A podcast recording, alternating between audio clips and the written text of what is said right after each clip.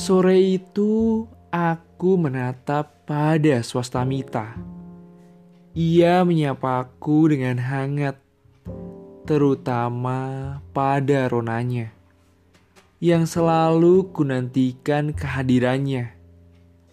Aku tertawa kecil dengan sedikit berhalusinasi melihat Arunika yang sungguh menawan menunjukkan sadia kalanya di sana. Menatapku lekat begitu dalam.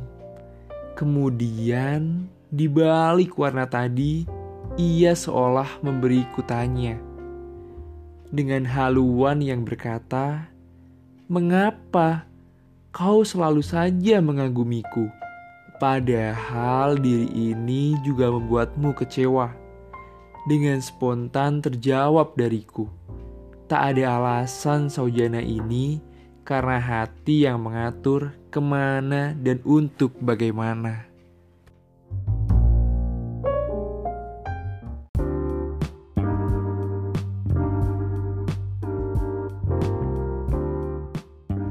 Jadi pada episode kali ini kuterangkan bahwa ekspresi itu bisa membawa sebuah penghalusinasian yang cukup dalam.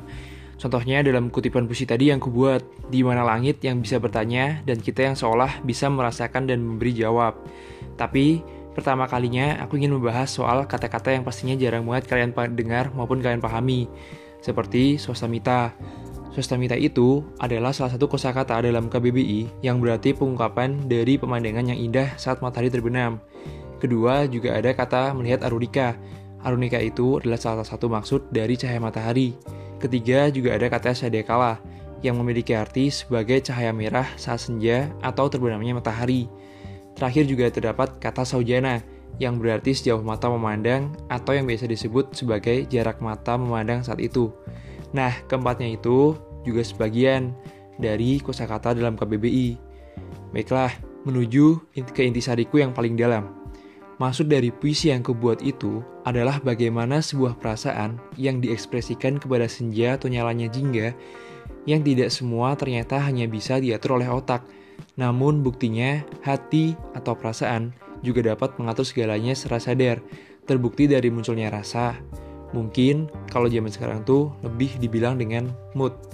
Nah, mengenai perasaan itu sendiri, nggak perlu juga perasaan kayak harus memberi kalian kabar dulu kepada otak untuk merespon atau merangsang.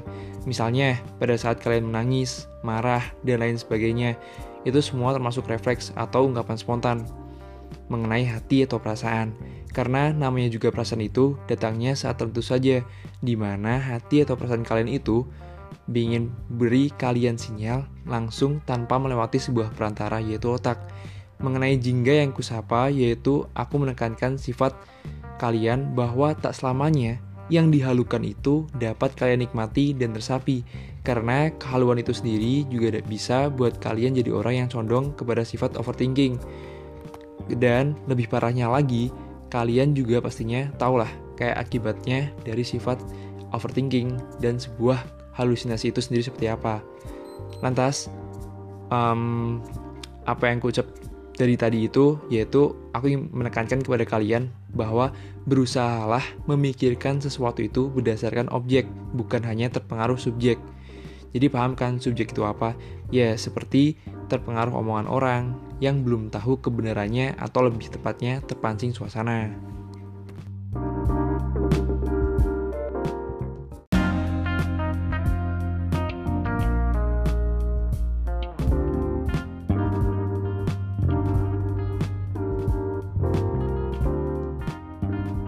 Jadi kesimpulannya, berpikirlah secara realistis, karena berpikir seperti itu bakal memberi kalian dampak positif juga. Namun berbanding terbalik dengan berhalusinasi. Seketika kalian berhalusinasi, di situlah titik kebijaksanaan kalian pupus atau sirna. Pokoknya budayakan ya untuk selalu menjadi orang yang cerdas dan selektif. Itu saja maksud puisi yang kubuat kali ini. Sekian dariku pada penghantar tidur kalian. Stay tune terus, dan goodbye.